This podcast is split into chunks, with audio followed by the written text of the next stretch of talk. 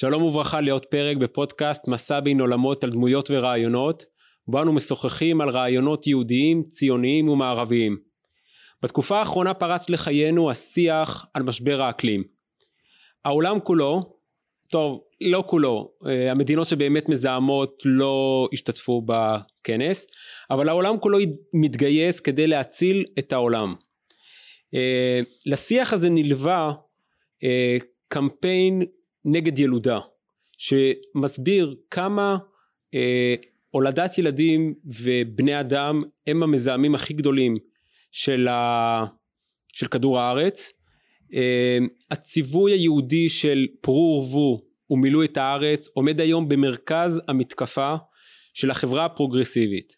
זה מתחיל בחו"ל, עובר לאקדמיה בארץ, משם למאמרי מערכת בעיתון הארץ ולאט לאט זה זולג לכל הכלי תקשורת ואני חושב שהרעיון הזה הוא רעיון אה, מטורף ומסוכן אה, זה פשוט סימן לסופו של הציוויליזציה המערבית כפי שאנחנו מכירים.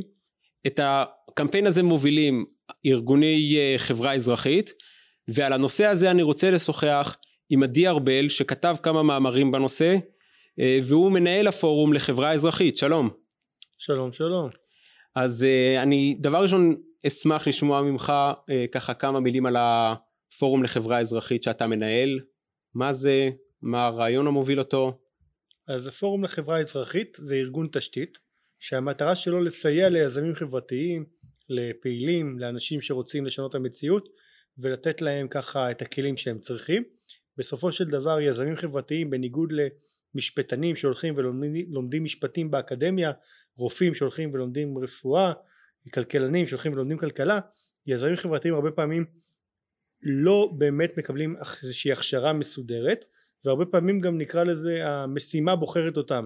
הם לא עכשיו בחרו להיות עכשיו פעילים חברתיים לפעמים קרה להם משהו במשפחה קרה להם משהו בקהילה אירוע לאומי שגרם להם לצאת מה, מאזור הנוחות שלהם או מה, להוריד אותם מהמסלול חיים המרכזי שלהם ולהתחיל לפעול ואז הם לא יודעים עכשיו איך הם עובדים מול תקשורת, איך הם מגייסים משאבים, איך הם עובדים מול מקבלי החלטות, איך הם בונים קהילה וכן הלאה, בשביל זה אנחנו פה כפורום לחברה האזרחית לתת להם הכשרות, לתת להם את הכלים שהם צריכים כדי שהם יוכלו להשפיע על מדיניות ולהשיג את המטרות שהם רוצים לקדם.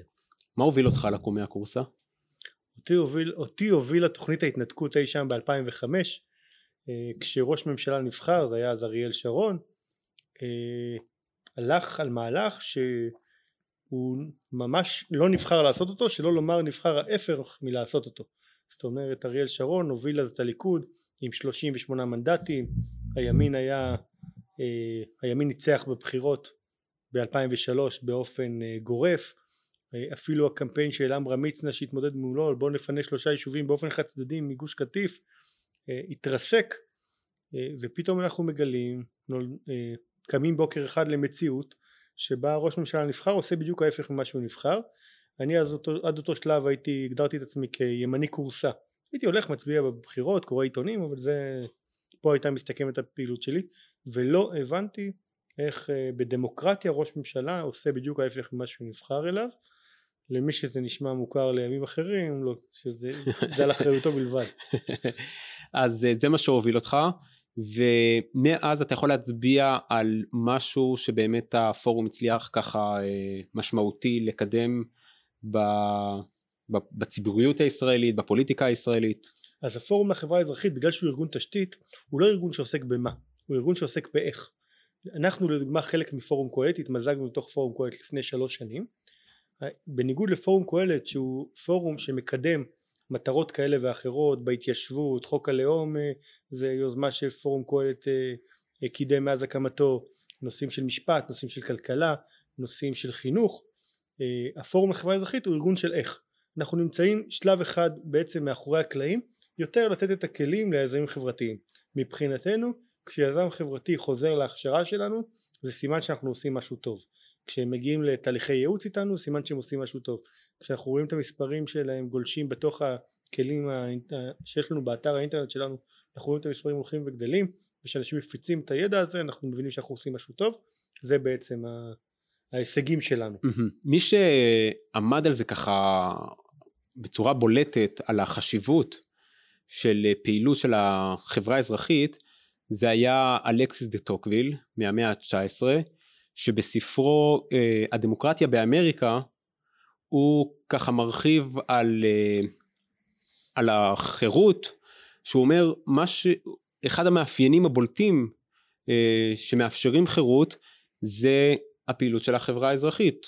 הוא אומר את זה בהקשר האמריקאי מול החברה הצרפתית אבל הוא אומר בעצם המודל הזה הוא מודל שמאפשר לאדם להתבטא אה, ביתר אה, חופשיות.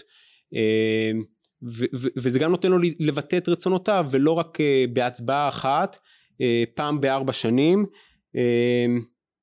ויותר מזה הוא גם אומר שהפעילות של חברה אזרחית בסופו של דבר היא מובילה לאחריות אישית. היא אומרת מוטל על האדם עצמו כשהוא רואה בעיה לפתור אותה ולא רק לזרוק את זה על המדינה היא מפתחת אה, סולידריות חברתית שהיא תנאי אה, אה, משמעותי למדינה משגשגת. וצריך לזכור עוד משהו שפוליטיקאים במדינות דמוקרטיות פועלים במסגרת רצון העם שהוא הריבון. ואיך אנחנו נדע מה העם רוצה? זה דרך שהעם אומר לו גם מה הוא רוצה. זה נעשה דרך חברה אזרחית בצורה כזו או אחרת זה יכול להיות אה, כמו שאמרת אה, לעלות לתקשורת אה, ארגון התארגנויות מקומיות ולולי ההתארגנויות האלו צריך לדעת שאין ואקום בדברים האלו. זאת אומרת אם אנחנו מדברים על קרב רעיונות זה שאנחנו רואים לצורך העניין שהמדינה כאן היא מדינה ציונית זה לא מובן מאליו ו, וזה כל הזמן המאבק הזה. זה, זה אומר שאם אנחנו לא נפעל אה, להמשך התודעה הזאת בספירה הציבורית, מישהו אחר יתפוס את, ה, את, את, את הוואקום הזה. ולכן זה כל כך אה, אה, חשוב הפעילות של חברה אזרחית, כי בסוף אה, הפוליטיקאים אה, פועלים לפי מה שהעם, לפי מה שהחברה שלהם אה, מראה להם אה, מה הם רוצים. אז החשיבות של ארגוני חברה אזרחית אה, ברורה, ואני רוצה אה, לעשות איתך מעבר בנושא שהוא כל כך חשוב וכל כך קריטי של מה שפתחתי איתו. אה, והוא נושא קריטי לחברה המערבית בכלל אבל לחברה היהודית אה, בפרט. ולדון איתך על המקור של הקמפיין הזה נגד ילודה הוא קמפיין ש, שמובל על ידי ארגונים אזרחיים. ואני רוצה לשאול אותך מה הרעיונות שמובילים אותם? כשאנחנו רואים היום אה, מדברים על אה, משבר האקלים אבל בעיתון הארץ מאמר אחרי מאמר אה, לאורך החצי שנה האחרונה על זה שמי שרוצה לדאוג לקיימות שלא יביא ילדים זה, זה בסוף המסר ואני רוצה ככה אתה כתבת כמה מאמרים בנושא ואני רוצה לשמוע ממך את שורש המאבק הרעיוני הזה שמתחולל היום במערב. אז כן אז בעצם אתה נגעת פה בכמה נקודות אני רוצה להתייחס אה, אה, אליהם בשתי, בשני שלבים. שלב ראשון נתחיל ממה שאמרת על טוקוויל והחברה האזרחית. טוב שהגעת לטוקוויל והחברה האזרחית כי כשאני אה, דיברתי בכנס השמרנות הראשון שהיה פה בבנייני האומה אז פתחתי את, ה, את השיחה שלי במה לארגוני חברה אזרחית ולכנס של שמרנים. הרי אנחנו כבר מתורגלים בעשור האחרון שחברה אזרחית זה אוטומטית שומעים שמאלנים שמאלנים אה, פרוגרסיביים. אה, וטוב שהלכת לטוקוויל במובן הזה שחברה אזרחית זה לא ערך שמאלני. זאת אומרת יכול להיות שבישראל הוא נתפס כערך שמאלני ואני רוצה גם להסביר לתאר למה אבל הוא לא ערך שמאלני. ב-77 חל המהפך. חל המהפך הימין עולה לשלטון. הימין עולה לשלטון והשמאל מזהה שבעצם המהפך פה הוא לא רק מהפך רעיוני, הוא לא רק מהפך פוליטי, הוא גם מהפך דמוגרפי. הוא מבין שהפעם הבאה שהוא עולה לשלטון יכול להיות עוד הרבה זמן. והוא מתחיל להעביר את מוקדי הכוח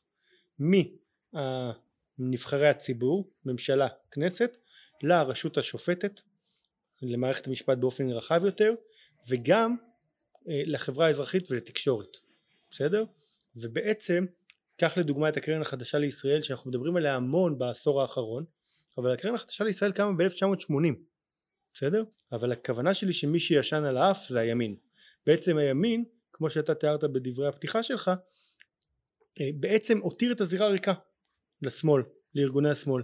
ואז כשלימים אריאל שרון נבחר לראשות ממשלה וממשל בוש הרפובליקני מפעיל לחץ על שרון לקבל את מפת הדרכים ששרון לא רוצה לקבל את מפת הדרכים שרון מסתכל לימינה מסתכל שמאלה מנסה להבין מה הוא יכול לעשות מסתכל לימינה לא רואה כלום מסתכל שמאלה רואה את הנסיגות החד צדדיות שהגוף הראשון שהתחיל לקדם את השיח הזה זה מכון ון ליר אגב אה, משמאל בסדר?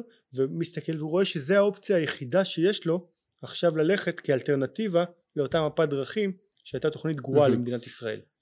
אז, אז החשיבות של זה כמו שאתה מתאר זה באמת uh, שגם הצד הימני שמרני צריך לתת את המענה הרעיוני כדי שמקבלי ההחלטות uh, גם יוכלו לפעול כי, כי, כי אנחנו צריכים גם כן בסופו של דבר לשפוט את מקבלי ההחלטות uh, לשפוט אותם לטובה ולומר אין להם את כל הזמן ואת המשאבים ללמוד כל נושא לעומק בסוף הם צריכים את החברה האזרחית שתעזור להם ו- ו- ו- ופה המאבק ועכשיו כמו שפתחתי זה הרעיון המטורף הזה והמסוכן בעיניי אה, שבאמת אין, אין לי אין לי איך לתאר אותו חוץ משנאת אדם מיזוגן לא יודע הקמפיין הזה של נגד ילודה. אוקיי okay, אז הקמפיין של נגד איפה ילודה. אתה, איפה אתה שם החברה האזרחית שם מה יש לה לומר? כי כולנו אז... דואגים לכדור הארץ יש איזה מקורות אה, דתיים מקורות הומניים איך זה בסוף אז תרשה לי להוריד שנייה את כובע החברה האזרחית שאני לוקח בשיחה הזאתי ולתת איזשהו כובע אחר, כובע שנקרא לזה תלמיד. אה, ואני רוצה לספר על, על איזשהו מהלך מחשבתי ש, שהתחלתי לחשוב עליו אי שם לפני שמונה שנים כבר. הייתי בסמינר של קרן תקווה בניו יורק אה, שעסק בספר בראשית. עכשיו לא מהפרספקטיבה הדתית זה מבוסס היה על ספר של ליאון קאס נקרא beginning of wisdom ראשית חוכמה שליאון קאס היה אדם לא יהודי אה, לא דתי אה, שקרא לקח את ספר בראשית ואמר אני לא מתעסק בשאלה אם יש אלוהים אין אלוהים אני סוג של אגנוסטיקן אבל אני רוצה להבין מה מה דברי החוכמה שנמצאים פה מה אני יכול לקחת להבין להיום וחקרנו באמת קראנו את הספר ספר עב כרס כמעט כמו זה של טוקוויל של טוקוויל קצת יותר ארוך אבל אה, קראנו את הספר עברנו פרק פרק למדנו אותו לעומק ואז צצה לי שם השאלה שעכשיו זה עלול להישמע כמו דבר תורה אבל אני מתנצל בפני המאזינים והצופים אני אגיד תהיו איתנו שנייה שימו שנייה דתיים לא דתיים בצד ו- ותזרמו איתי כי אני חושב שיש פה שאלה מאוד מעניינת. אה, אנחנו מסתכלים על השאלה אם אני צריך להפריד בין ימין ושמאל מה ההבדלים ביניהם? אז בוא אז אחד, אחד התיאורים אפשר היה להגיד בין הומניסטים לבין שמרנים. כאשר אחד מה, מהקריטריונים להיות הומניסט אולי יש שיגידו הקריטריון המרכזי זה להאמין ברוח האדם ביצר האדם להגיד שיצר לב האדם טוב מנעוריו. האדם ביסודו, ביסודו הוא טוב האדם ביסודו הוא פרא אציל כמו שקרא לזה רוסו. הוא היה ההוגה הכי בולט של האסכולה הזאת. נכון ומצד שני יהיה מי שיגיד שבצד השמרני שיצר לב האדם רע מנעוריו. בסדר? כמו הציטוט המקראי שתכף נגיע אליו. אה, ו... שה, שה, שההוגה הכי בולט שלו הוא תומאס הופס שטען ש... אה, יצר לב האדם אה, רע מנעוריו ואדם לאדם זאב. נכון. אז יש לנו כאן את שתי האסכולות כמו שאתה מתאר טוב אה, את השמרנים מול הפרוגרסיביים האם יצר לב האדם הוא טוב מנעוריו או רע מנעוריו. עכשיו אז יש פה שאלה מעניינת אבל יש פה פרדוקס אם יצר לב האדם טוב מנעוריו הייתי מצפה שאם בוא נפרה ונרבה ונרבה את הארץ בכל הטוב הזה של בני אדם ואם יצר לב האדם רע מנעוריו אז אה, בוא לא נוליד כל כך הרבה ילדים, נעשה בקרת ילודה, נחליט אם בכלל זה טוב להוליד ילדים, נחשוב פעמיים לפני שנוליד ילדים וכן הלאה. אבל במציאות מה אנחנו רואים? המחנה הפרוגרסיבי, הומניסטי, ליברלי, תקרא לו איך שאתה רוצה, הוא זה שמוליד פחות ילדים, וראשי החץ שלו גם קוראים לצמצם ילודה. לעומת זאת המחנה השמרני, הרפובליקני, הדתי, שחושב שיצר לב האדם רע מנעוריו כמו שכתוב בתנ"ך בשחור על גבי לבן מפי האל הוא זה שמוליד הרבה ילדים. עכשיו יש פה פרדוקס שאני תפס אותי ב-2013 אמרתי רגע רגע רגע מה קורה פה? עכשיו אם זה לא מספיק אם אתה הולך למקרא מופיע פור ורבו אה, בכמה פעמים במקרא אבל אחת הפעמים היא אחרי ממש אחרי המבול. אחרי המבול הקדוש ברוך הוא אומר שהוא מבין יצר לב אדם רע מנעוריו ואז פסוק שניים אחרי זה מה הוא אומר? לנוח פרו ורבו ומילאו את הארץ. אלוהים יקר אם יצר לב אדם רע מנעוריו מה אתה עכשיו אומר לי פרו ורבו ומילאו את הארץ? ופה אני חושב שיש פה סיפור חשוב מאוד להבין אותו. תשמע זה פרדוקס מעניין מה, מה שאמרת. תמשיך. כן. זה ממש מעניין אני חושב ש, שזה לב הסיפור של להבין את התפיסה השמרנית אה, אה, ואת כל הסיפור של פור ורבו לפחות מפרספקטיבה שמרנית. אני לא עכשיו במקום הפרוגרסיביים או ההומוניסטים מנסה להגן על, עליהם אני חושב שזה שהם הם צריכים לפתור את הקונפליקט הזה לעצמם. אבל את הקונפליקט השמרני נקרא לזה של איך אתה חושב שפור ורבו שיצר עבודם רע מנעוריו ובמקביל אתה אומר פור ורבו בוא, בוא נפתור את זה איתנו כי בעצם אם אנחנו מסתכלים יש כשמסתכלים על ספר בראשית אומרים שיש שני סיפורי בריאת אדם. בפרק א' ופרק ב' נכתב על זה המון. אבל אני רוצה לטעון שספר בראשית עומד בחובו עוד שני סיפורים. שני סיפורים של בריאת האנושות. בריאת האנושות הראשונה מעשרה דורות שמוזכרים בפרקי אבות מאדם הראשון ועד נוח ובריאת האנושות השנייה מנוח עד אברהם אבינו. בסדר?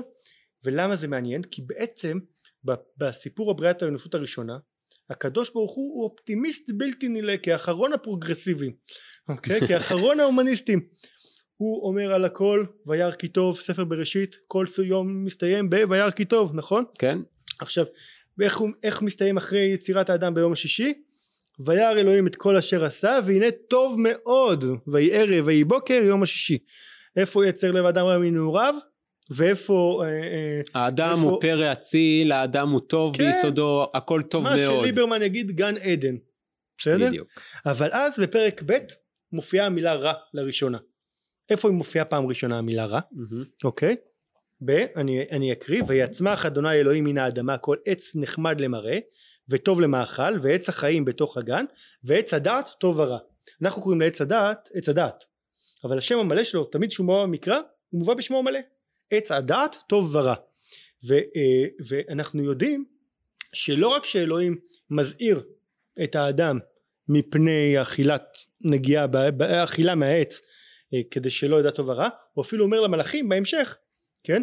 פן יהיה כמונו וידע טוב ורע. בסדר?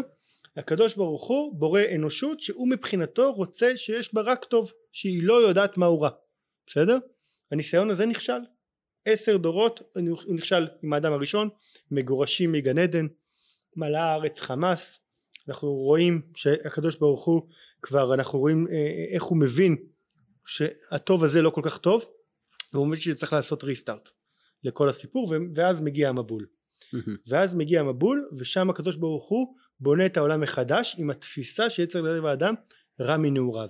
אני רוצה לטעון שהקדוש ברוך הוא ברא את אותו אדם מהמם. גם בבריאה הראשונה וגם בבריאה השנייה אבל הנחת היסוד שלו בבריאת האנושות הראשונה זה שיצר לב האדם טוב מנעוריו ושאפשר לסמוך על יצר לב האדם ולקח לו עשר דורות להבין או כנראה פחות שזה לא הולך לעבוד והוא צריך לבוא ולהבהיר לכולם שיצר לב האדם רע מנעוריו מהמם. ולפעול בהתאם זאת אומרת אה, האנושות שאחרי נוח לא הייתה יותר טובה או פחות טובה מבחינת האנשים אנחנו לא אנחנו רואים כבר בבריאה הראשונה מה אנחנו רואים? אדם חווה מגורשים מגן עדן רצח קין אבל. זה אנחנו לא רואים בדיוק אה, הרבה טוב בכל היצירה הזאת. איפה כל הטוב שבספ, שבפרק א' ואיפה העולם? אה, במובן הזה ברור שאני לא חושב שיש פה יצירה אנושית שונה. יש פה תפיסה שונה של איך להנהיג את המציאות מהמם. בסדר? האם אתה מנהיג את המציאות מנקודת מבט שיצר לב האדם טוב מנעוריו ואז מה שאתה חוטף זה את העשר דורות של ה... של מס- של של תוצאות לפנינו. רעות כן? או שאתה הולך על יצר לב האדם טוב מנעוריו, מנעוריו, סליחה, ואז ו- בעצם האדם צריך ריסון ומוסדות חברתיים שיגבילו אותו או. אז מה האדם צריך עכשיו? אז אפשר להגיד שכמובן בשביל זה ניתנה כל התורה וכולי אבל אני וכל ספר ההנחיות הזה של איך האנושות צריכה להתנהל ואיך האדם הפרטי צריך להתנהל אבל אני חושב שאני רוצה להתמקד בתשובה אחת שדווקא תגיע אלינו מספר קהלת מהמם. בסדר? אה, ואני רוצה גם להראות סוג של הקבלה בין מה שקורה בספר בראשית לספר קהלת אנחנו יודעים שמה העונש על האדם אחרי שהוא חוטא בחטא באכילת, אה, באכילה מעץ הדעת בגן עדן בזיעת אפיך תאכל לחם. נכון אז אני אפילו אקריא את הפסוק כי זה הולך להתכתב עם מה שקורה בספר קהלת. אה, אנחנו רואים בזיעת אפיך תאכל לחם עד שובך אל האדמה כי ממנה לוקחת כי עפר אתה ואל עפר תשוב ואז מה יקרה בספר קהלת? איך מתחיל ספר קהלת? מתחיל דברי קהלת בן דוד מלך בירושלים הבל הבלים אמר קהלת הבל הבלים הכל הבל מה היתרון לאדם בכל עמלו שיעמול תחת השמש? בסדר? מה, מה העבודה הזאת לכם? בעצם ספר קהלת הוא נתפס כספר מאוד מתריס לכאורה עם כל מיני אמירות אה, סקפטיות. אני חושב שהוא אחד הספרים הכי אופטימיים במקרא. אני חושב שהוא ספר עם, עם עומק אדיר אבל הוא עושה את זה בהפוך על הפוך. אז בעצם הוא לוקח את שאלת בזיעת אפיך תאכל לחם הוא שואל את מה יתרון האדם בכל עמלו ואז הוא גם ידון יש לו פרקים שלמים שעוסקים בנושא של העמל האדם כמה הוא לשווא. אבל אז שים לב בפרק ג' פסוק י"ט הוא אומר כי מקרה בני האדם ומקרה הבהמה מקרה אחד להם האדם כמו בהמה כמות זה כן מות זה ורוח אחד לכל ומותר האדם מן הבהמה אין זאת אומרת אין הבדל בין אדם לבהמה כי הכל הבל. הכל הולך אל מקום אחד הכל היה מן העפר והכל שב אל העפר. שים לב להתכתבות עם ספר בראשית כי עפר אתה ואל עפר תשוב הכל היה מן העפר והכל שב אל העפר. בסדר? אז אנחנו רואים שקהלת בעצם חופר עוד יותר עמוק בתוך השאלה הזאת מה, מה טעם הקיום? אבל אז אנחנו מגיעים לפסוק האחרון בספר קהלת. והפסוק האחרון בספר קהלת בדרך כלל כשאני שואל באנשים מה הפסוק האחרון בספר קהלת אני לא אעשה איתך את התרגיל הזה אז הם אומרים את הפסוק של סוף דבר הכל נשמע את האלוהים ירא ואת מצ- מצוותיו שמור כי זה כל האדם עכשיו זו טעות נפוצה. למה זו טעות נפוצה? כי בעצם הפסוק האחרון הוא מסתיים במילה רע. וברגע שאחד מספרי המקרא יש חמישה ספרים שמסתיימים ב- ב- ב- במילה רע או בתיאור שלילי אחר אז חוזרים על הפסוק שלפני האחרון שוב פעם Hmm. כדי לא לסיים במילה רע. אז גם אז אבל הפסוק האחרון הוא כי את כל מעשה האלוהים יבוא, יביא במשפט אם על כל נעלם אם טוב ואם רע. זאת אומרת מה קהלת אומר לנו? שבעצם מה חשוב לאדם מה שווה העמל שלו מה הוא מותר מן הבהמה ההבחנה בין טוב לרע. לא בהמה לא מבחינה בין טוב לרע האדם הוא זה שמבחין והאדם בגן עדן לא ידע להבחין בין טוב ורע. הקדוש ברוך הוא לא רצה שהוא יבחין בין טוב ורע. למה? כי שמא הוא יהיה כמונו בסדר? כמונו כמו האל והמלאכים. אבל ב- ביצירת האנושות השנייה שאנחנו מדברים עליה הקדוש ברוך הוא רוצה שזה מה שהאדם יעשה. ידע להבחין בין טוב ורע ייתן לו את המסגרת של הריסונים כדי שהוא יוכל ללכת ולבנות עולם ולפרוט ולרבות בדרך שבונה את העולם ולא מחריבה אותו כמו שראינו אה, לפני כן. אה, ואני חושב שזה זה חלק מה, מהתפיסה. אז שנייה עדי, תסביר לי שנייה איך היכולת הזאת של להבחין בין טוב לרע אה, שניתנה לאדם קשורה ומתרצת את הפרדוקס של אם יצר לב האדם רע מנעוריו עדיין להביא ילדים לכזה עולם. כי אם בוא, בוא נגיד את זה ככה אם יצר לב האדם רע מנעוריו אבל אני נותן לך יכולת להבחין בין טוב לרע מהמם. אז אני, אני רוצה לסמוך עליך שתביא ילדים באופן שתוכל לחנך אותם להבחין בין טוב לרע ואם הם יכולים להבחין בין טוב ורע ולעשות בחירה חופשית בסדר? זאת אומרת ההבחנה הזאת ש, שהאדם אה, יכול להבחין בין טוב לרע ניתנה רק אחרי צ- רק ב, ב, בלידת האנושות השנייה. להבנתי כן אם נסתכל בשיח בין האדם בין, בין, בין האל לאדם הראשון ועד נוח עצמו אז זה זה שיח מאוד לא אה, נקרא לזה אה, שיח מאוד של ציוויים לך תבנה תיבה לך תצא, תצא מגן עדן אל תיגע פה אל תיגע שם אני לך כללים לא שיח של שיקול דעת אנחנו מכירים אחרי זה במקרא כל מיני ביטויים של תדע לבחור בין טוב לרע ובחרת בחיים ואם תעשה ככה אז יקרה ככה ו- וכבר השיח הופך להיות הרבה יותר שיח של תנאים לא שיח של הנחיות הוראות בסדר? Mhm. בסוף בסוף למי אתה נותן הנחיות? למי אתה נותן הוראות מאוד מפורשות? לבהמה, לחיה, בסדר? אבל לאדם אתה לא נותן, אתה לא חי איתו אה, בצורה של הוא לא יודע להבחין בין טוב לרע אז אני אחליט בשבילו אלא אני אומר אני יוצר את האדם שיהיה כמונו כמו המלאכים וכמוני האל שידע להבחין בין טוב לרע ואני עכשיו נותן לו את מה שהוא צריך לדעת כדי להקים עולם טוב. אם אני צריך לשקף את אה, מה שאתה אומר זה שנכון על פניו אה, יצר לב האדם רע מנעוריו ועל פניו יש את הפרדוקס למה להביא אה, ילדים ולהמשיך לפרוט ולרבות בארץ אבל אתה אומר בגלל שבנוסף לציווי של, של פרו ורבו אה, יש גם את ה... האל נתן לנו את היכולת להבחין בין טוב לרע זאת אומרת ניתן גם היכולת אה, של אמונה באדם. יש אמונה באדם שעל אף שהוא רע אה, מנעוריו והוא רע מטבעו יש לו אבל את היכולת להבחין בין טוב לרע ועם זה הוא יכול להגיע לפסגות ולהגשים את עצמו וזה רק יפתח יותר את העולם. נכון ו... ואני אקפוץ איתך אפילו כמה אלפי שנים קדימה נחזור. לוויכוח שלנו היום בין השמרנים לפרוגרסיביים בסדר מה אנחנו רואים שהפרוגרסיביים אומרים יצר לב האדם טוב מנעוריו אבל מצד שני הם אומרים העולם הוא רע המוסדות החברתיים לא, הם רעים לכן אני לא לא רק המוסדות החברתיים באופן כללי העולם הוא רע לכן אני לא מביא ילדים לעולם הזה אני לא רוצה להביא ילדים לעולם כזה בסדר? לעומת זאת מה אומרים השמרנים בסדר? יצר לב אדם נכון הוא רע מנעוריו אבל מה התפקיד שלי בעולם? לשמר את המסורת לקחת את מה שטוב בסדר? אני לוקח את המסורת את הדברים הטובים אני בוחר את הדברים הטובים אותם אני משמר הלאה. בעצם אפשר להסתכל על זה כאילו הפרוגרסיביים מסתכלים על חצי הכוס הריקה ולכן הם הופכים להיות סקפטיים בניגוד לתפקיד הטבעי שלהם שהיינו מצפים שהם יהיו אופטימיים לעומת זאת השמרנים מסתכלים על המסורת ומסתכלים על חצי הכוס המלאה והם מסקפטיים לגבי יצר לב האדם הופכים להיות אופטימיים בסדר? ולכן הם גם חיים את הפרו ורבו והם אלה שחיים בקהילות גדולות הם אלה שיותר מולידים ילדים. ואני אפילו אגיד לך יותר מזה בוא נלך קדימה.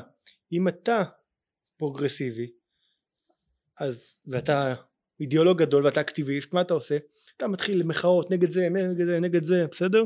כל, כל, המח... כל העולם שלך הוא עולם של תחושת אנטי הקיום ובאמת אתה לא רוצה להביא ילדים. אבל אם אתה מבין שאתה יכול לבוא לשפר ואתה אקטיביסט שבא ואומר טוב מה כן אפשר לעשות? לא רק מה לא. בסדר? זה גם בסדר לעשות סור מרע. הכל בסדר. זה אמרנו שזה חלק מהתפקיד. אבל אתה גם יודע להגיד מה כן ועל מה אתה נשען ועל איזה ערכים אתה רוצה לשמור וכחלק מהשימור הזה אתה גם רוצה להביא ילדים כדי שישמרו את הרעיונות האלה ויפתחו אותם ויקדמו אותם זה שם אותך במקום אחר לגמרי. ואני חושב שזה הנקודה שמשה קופל בספר שלו אה, אה, אה, לחיות כמו יהודי הוא היה אז, הוא התארח כאן בפרק בפודקאסט. אז, אז כותרת המשנה זה למה המסורת אה, תקבור את אה, מנבא מותה בסדר? ולמה המסורת תקבור את מנבא מותה? בדיוק בגלל זה בסופו של דבר. בגלל שהאנשים המסורתיים שמסתכלים על הדברים הטובים הם אלה שפרים ורבים אז התשובה היא במובן מסוים זה לא, זה לא תשובה שמויש נותן מויש נותן תשובה הרבה יותר מעמיקה אבל במובן מסוים התשובה היא דמוגרפית. היא דמוגרפית כי אנשים שמאמינים במסורת טוב להם איך שהם חיו הם חיים את תודעת חצי כוס מלאה הם אלה שרוצים להביא ילדים לעולם. אם אתה חי את חצי כוס הריקה אין לך כוח להביא ילדים לעולם. אתה אומר עדיף לי לא להביא ילדים לעולם עדיף לי לכתוב מאמר דעה לארץ נגד uh, ילודה ובכך uh, להיטיב עם העולם. נכון. אה, זה שתי גישות מה שאמרת זה שתי גישות של איך לעשות שינויים זה אבולוציה versus רבולוציה זאת אומרת האם לעשות שינויים דרך מהפכות מהיסוד או רק לעשות שינויים לקחת את המבנים לברור את הטוב מהרע ולהמשיך את זה אה, הלאה. אה, אני חושב שהנושא הזה הוא נושא אה, חשוב מאוד של הילודה אבל הוא חשוב לכל הציוויליזציה המערבית ומה שעכשיו הזכרת את הרעיון הזה שהוא מבוסס על התנ"ך של פרו ורבו וגם תומאס הופס הוא היה אדם דתי וכתב את הספר שלו על התנ"ך, זאת אומרת הוא היה נוצרי אבל הוא, הוא כתב את הספר מבוסס על התנ"ך. אנחנו חיים בעולם שבו התרבות המערבית, הציוויליזציה המערבית, אם היא לא תמשיך להישען על משמעות, ובמקרה הזה זה משמעות אה, יודו נוצרית, אה, ולהישען על הרעיונות התנ"כיים, אה, היא פשוט תרד מבמת ההיסטוריה, והיא עושה את זה עכשיו, וכאילו, זה כל כך מסוכן כי אנחנו רואים את זה עכשיו מול, מול עינינו, את, ה, את התהליך של איך שהפרוגרסיבים פשוט משמידים את עצמם מבמת ההיסטוריה. לכתוב מאמרים, לא להביא ילדים, ובסוף על מי זה משפיע? זה משפיע עליהם, זה לא משפיע על, ה, על השמרנים. כל המאמרים האלו ב, בעיתון הארץ, אני לא יודע אם זה משפיע על, אה, אתה יודע, על אה, משפחה מבית אל או מבני ברק. אה, אבל ספציפית אני חושב ש, שזה זה נושא שחשוב לכל החברה המערבית שנשענת על הערכים היהודו נוצרים אבל גם ספציפית על העם היהודי שאחרי כל מה שעברנו במאה השנים האחרונות זאת באמת מגמה מסוכנת. כי אנחנו עם קטן שהוא בסכנת היכחדות אה, נוראה אה, מבמת ההיסטוריה וזה לא מובן מאליו שאנחנו קיימים. זאת אומרת אנחנו לא השלמנו עדיין את המספרים שהיינו בערב השואה אז היינו 16 מיליון בני אדם. ולפני סיום אני רוצה ככה אה, לסיים במשהו אופטימי. אה, אני חשבתי שזה אופטימי. כי סך הכל, מה טענת? טענת שהפרוגרסיבים מכניסים את עצמם למקומות שבהם הם נכנסים למנגנוני השמדה עצמית שלהם. אבל אני לא רוצה את זה. אני לא רוצה אני, את זה גם בשבילהם. אני ודאי לא רוצה את אני זה. אני רוצה להילחם במלחמת הרעיונות ולשכנע אותם למה הם טועים. לפיכך נתכנסנו. בדיוק. כדי להפוך את אותו פרוגרסיבי או פרוגרסיבית שצופה בנו, אה, אה, אה, להבין שיש פה, שהשמרנות מגיעה עם חוכמת דורות. אנחנו היום מדברים הרבה מאוד על חוכמת המונים. חוכמת המונים זה נהדר, אבל יש גם את חוכמת הדורות. והשמרנות היא זאת שמביאה את חוכמת הדורות. וחוכמת הדורות זה המסורת שיש לתרבות המערבית. והמסורת של התרבות המערבית זה התנ"ך והרעיונות היהודו נוצרים. ואסור... ו- ואני אגיד לך יותר מזה, זה לא רק זה. כל דבר שאנשים עושים כיום, יש לו סיבות כאלה ואחרות. מויש קופל מנתח את זה בספר שלו. בסדר? יש סיבה שאנשים עושים דברים. אז אנחנו רגילים בגלל השיח התקשורתי היותר אה, פרוגרסיבי לראות את הרע בכל דבר אם מוסד משפחתה, משפחתי הוא הופך להיות פטריארכיה אוטומטית כן? אבל יש לזה הרבה מאוד רציונל הרציונל הוא, הוא, הוא רציונל הישרדותי הוא רציונל כלכלי הוא רציונל מוסרי יש סיבות שה, שהעולם התפתח בצורה שבה הוא התפתח בסדר? ובמובן הזה אני חושב שגם לא במקרה אנשים שמקבלים פרספקטיבות הופכים להיות יותר שמרנים. שים לב מי זה אותם אנשים? לדוגמה. זה אנשים שלא לא, אני לא מדבר על השמאלנים שהופכים להיות ימנים כי היו כמה פיגועים. קח אנשים שנולדים להם ילדים. ברגע שנולדים לך ילדים הרבה מאוד אנשים פרוגרסיביים הופכים להיות טיפה יותר שמרנים. למה? כי הם מבינים שצריך להציב גבולות לילד שלהם. הם מבינים דברים שהם לא הבינו קודם. הם מבינים למה אבא אמר להם את מה שאמר להם ואז הם מרדו ועכשיו פתאום בפרספקטיבה של הורה הם מבינים אחרת. לכן אני, חש... אני, אני תפסתי את האמירה שלך כאמירה אופטימית. נכון יש בזה אני תופס את האמירה שלך כאמירה של בסדר אז, אז uh, בפרפרזה על האמירה של מישהו בן 20 והוא לא פרוגרסיבי בסדר? כן. אז, אז, אין לו, אז אין לו לב אבל מישהו בן 40 אה, או בן 50 והוא לא שמרן אז, אז אין לו שכל. בסדר אז אה, בסדר אז נאבד כמה אנשים חסרי שכל כי הם החליטו לא להביא ילדים לעולם אה, ושכנעו את סביבתם לעשות את זה. ובסוף אתה רואה גם את המרב מיכאליות שבשיא שבחוד של המאבק נגד מוסד המשפחה בסוף גם הם מחליטות מסיבות כאלה אחרות להביא ילד לעולם. נכון זה משהו מאוד uh, ייחודי ומעניין למדינת ישראל שעל אף שאנחנו רואים המדינה היא כל כך משגשגת, כל כך מתקדמת, מדינה מודרנית, והיא מקום ראשון אה, מבחינת ילודה ב-OECD, אה, ולדבר הזה הוא בגלל, כמו שהזכרת, אני חושב שלישראלים ערך המשפחה, אנחנו רואים את זה בארוחות שישי, ובחגים, ואפילו מנגל, זאת אומרת זה חלק מהתרבות הישראלית שערך המשפחה הוא ערך חשוב. והדבר הזה יש לו השלכות, אה, השלכות משמעותיות בגלל שמשפחה בריאה זאת חברה בריאה וחברה בריאה היא חברה משגשגת ומתקדמת. ו... אני אגיד יותר מזה, הסיבה שמשפחה בריאה מייצרת חברה בריאה או שמשפחות בריאות מייצרת, מייצרות חברה בריאה כי במשפחה יש סולידריות שתמיד תהיה חזקה יותר מאשר סולידריות אפילו בתוך מדינה או בתוך mm-hmm. עיר או בתוך שכונה הרי אתה תמיד תדאג לבן המשפחה שלך יותר משתדאג לשכן שלך. נכון לקרובים. ולקרובים ול, תמיד ול... בן אדם דואג ליותר קרובים שלו. נכון. ולכן כל התפיסה השמרנית גם של החברה האזרחית במה היא מסתכלת? היא מסתכלת בתפיסה של מעגלים.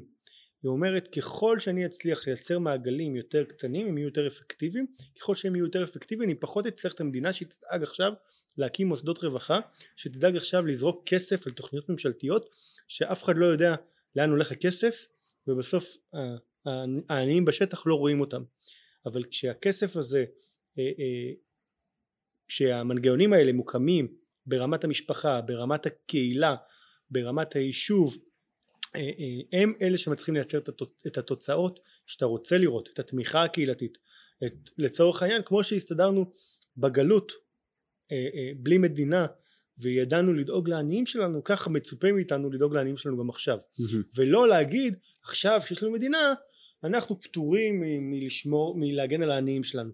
הרבה פעמים התפיסות הסוציאליסטיות, הקומוניסטיות לפעמים, הן באות אל, אל, אלינו השמרנים הימניים בטענה שאנחנו אלה שמפקירים את, ה, את העניים. וזה שקר. הם אלה שמפקירים את העניים.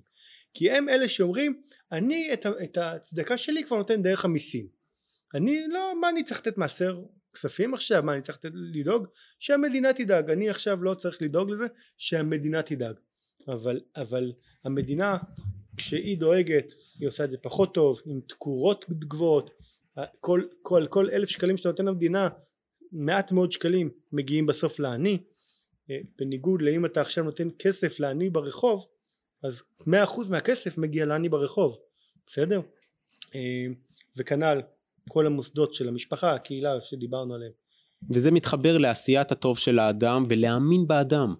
בסוף ההגות הזאת אומרת על אף שהאדם הוא רע מנעוריו אבל בד בבד כמו שהזכרת בפרק ניתנת לו הבחירה. והבחירה המשמעות של הבחירה אומרת שאנחנו צריכים להאמין באדם להאמין באדם שיש לו את יכולת הבחירה לבחור בטוב. אז אה, בואו נקווה שה... אני אגיד עוד משהו פה. עצם זה שאני יודע שאדם הוא רע מנעוריו מאפשר לי להתנער מכל מיני תפיסות נאיביות שאדם הוא טוב מנעוריו. כי אם האדם הוא טוב מנעוריו אני לא צריך לעשות כלום. לכאורה אם אני עכשיו השלטון או אני עכשיו חברה אזרחית. אם האדם הוא טוב מנעוריו אני לא צריך לעשות כלום הכל יסתדר. היד הנעלמה תסדר הכל לכאורה. בסדר? אבל אנחנו רואים שזה לא עובד. זה בעצם מה שלא עבד באותו סיפור של האנושות בעשר דורות הראשונים. אבל אם אני יודע שיצר אדם רע מנעוריו ואני יודע להציב את הגבולות ואני יודע אה, אה, אה, להקים את הלוויתן של אופס ואני יודע להקים את המוסדות הקהילתיים של המוסדות ש, שטוקוויל מדבר עליהם בסדר? והוא רואה אותם בארצות הברית כשאני יודע להקים את הדברים האלה כשאני יודע שהם אלה שמאזנים את הרע זה לא מייצר אצלי נאיביות זה לא מייצר אצלי ציפיות ש, שנשברות פעם אחרי, אחרי פעם והם אלה שמאפשרות לי אה, לבנות חברה משגשגת למרות הרע. וזה רע שהוא רע הכרחי הוא רע קיים הוא רע שטוב לדעת שהוא קיים כדי להתמודד איתו. אם אתה מתעלם מהרוע האנושי אתה לעולם אתה תהיה נאיבי. ולכן זה גם הביקורת שלי על השמאל על כל השלכותיו. השמאל הכלכלי מה הוא עושה? הוא מאמין לצורך העניין שכל אדם ייקח ייטול קפיץ רחב בסדר ראינו שזה לא עבד בקיבוצים. הוא מאמין שהאויב הערבי אה, יום אחד יקום בבוקר ויעשה איתו שלום כי הוא ייצר לבדם טוב מנעוריו. הוא מאמין ש, שאין פה מאבק בין זהויות כאלה ואחרות. הרי זה הטעות של השמאל בעצם זה שהוא חושב שבצד השני יש אדם שהוא טוב מנעוריו ולכן זה רק עניין של אם ניסע לאיזה סמינר משותף ביחד ו- ונאכל את המאכלים אחד של השני אז הכל יהיה בסדר אבל ככה אנחנו לא פותרים את הבעיה כי אנחנו לא מגדירים אותה נכון אבל אם אתה יודע שהבעיה היא שיצא לבן אדם רע מנעוריו ואתה יודע לחיות עם זה, אז אתה יודע לייצר להגיע עולם. לפתרונות יותר אה, ריאליים. עד לרמה שתוכל להגיד פרו ורבו מילות הארץ, כדי שיהיו יותר אנשים שידעו לבחור טוב על פני רע. איזה יופי, אז בואו נקווה שהמגמה הזאת בישראל אה, תמשיך. לסיום אני רוצה לשאול אותך שאלה שאותה אני שואל את כל האורחים בפודקאסט, אה, וזה מה זה בשבילך להיות יהודי? אז אני לא יכול להתאפק, ואני אגיד שהתשובה היא לפרוט ולרבות. אבל אה, לא, זה אה, זה ציווי אבל כלל, כלל אנושי. נכון, נכון. האל מצווה את זה את, את כלל המין האנושי. זו התשובה המתבקשת אחרי השיחה הזאת אז מה זה להיות יהודי? אז נראה לי שזה ככה כיוון טוב. אני אתן עוד עוד איזה תשובה שקשורה יותר לחברה האזרחית כמו שאני תופס אותה שזה מה, זה לא מה זה להיות יהודי זה מה זה להיות אזרח טוב במדינת ישראל. מהמם. בסדר? יש פרפרזה ידועה של הנשיא קנדי שאל תשאל מה המדינה יכולה לעשות בשבילך אלא תשאל מה אתה יכול לעשות בשביל המדינה.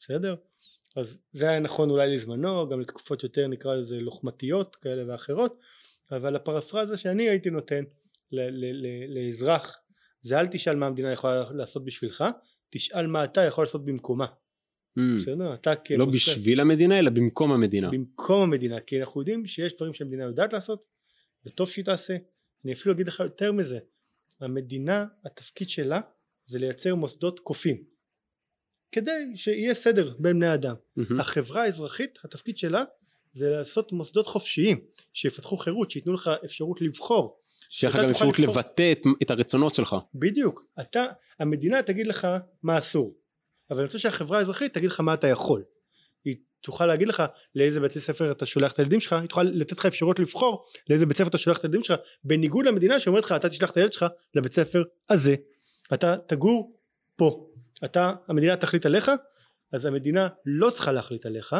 המדינה, מי שצריך לתת לך את האפשרות לבחור זו החברה האזרחית שהיא מייצרת את מה שהשוק רוצה. כי אם אני אייצר בית ספר שאף תלמיד לא רוצה ללכת אליו בית ספר זה לא יהיה קיים. אם אני אייצר בית ספר כמו המדינה שאני מחייב את האנשים ללכת אליו אז אנשים ילכו אליו ואז אנחנו נקבל את, את, את, לב האדם שרע מנעוריו במקום את זה שטוב מנעוריו. עדי ארבל, תודה רבה שהתארחת. היה לעונג רב. תודה רבה שמעון מחכים. מאוד. תודה. את הפרק הזה יחד עם שאר הפרקים תוכלו למצוא ביוטיוב לצפייה ובכל אפליקציות השמע להאזנה. תודה רבה לקרן תקווה ישראל שפודקאסט זה מופק בחסותה ותודה לאהרון זיידמן ויעקב טוויטו שמקדישים מזמנם היקר לעריכת הפרקים ותודה גדולה לכם המאזינים על כל הפידבקים שאתם שולחים.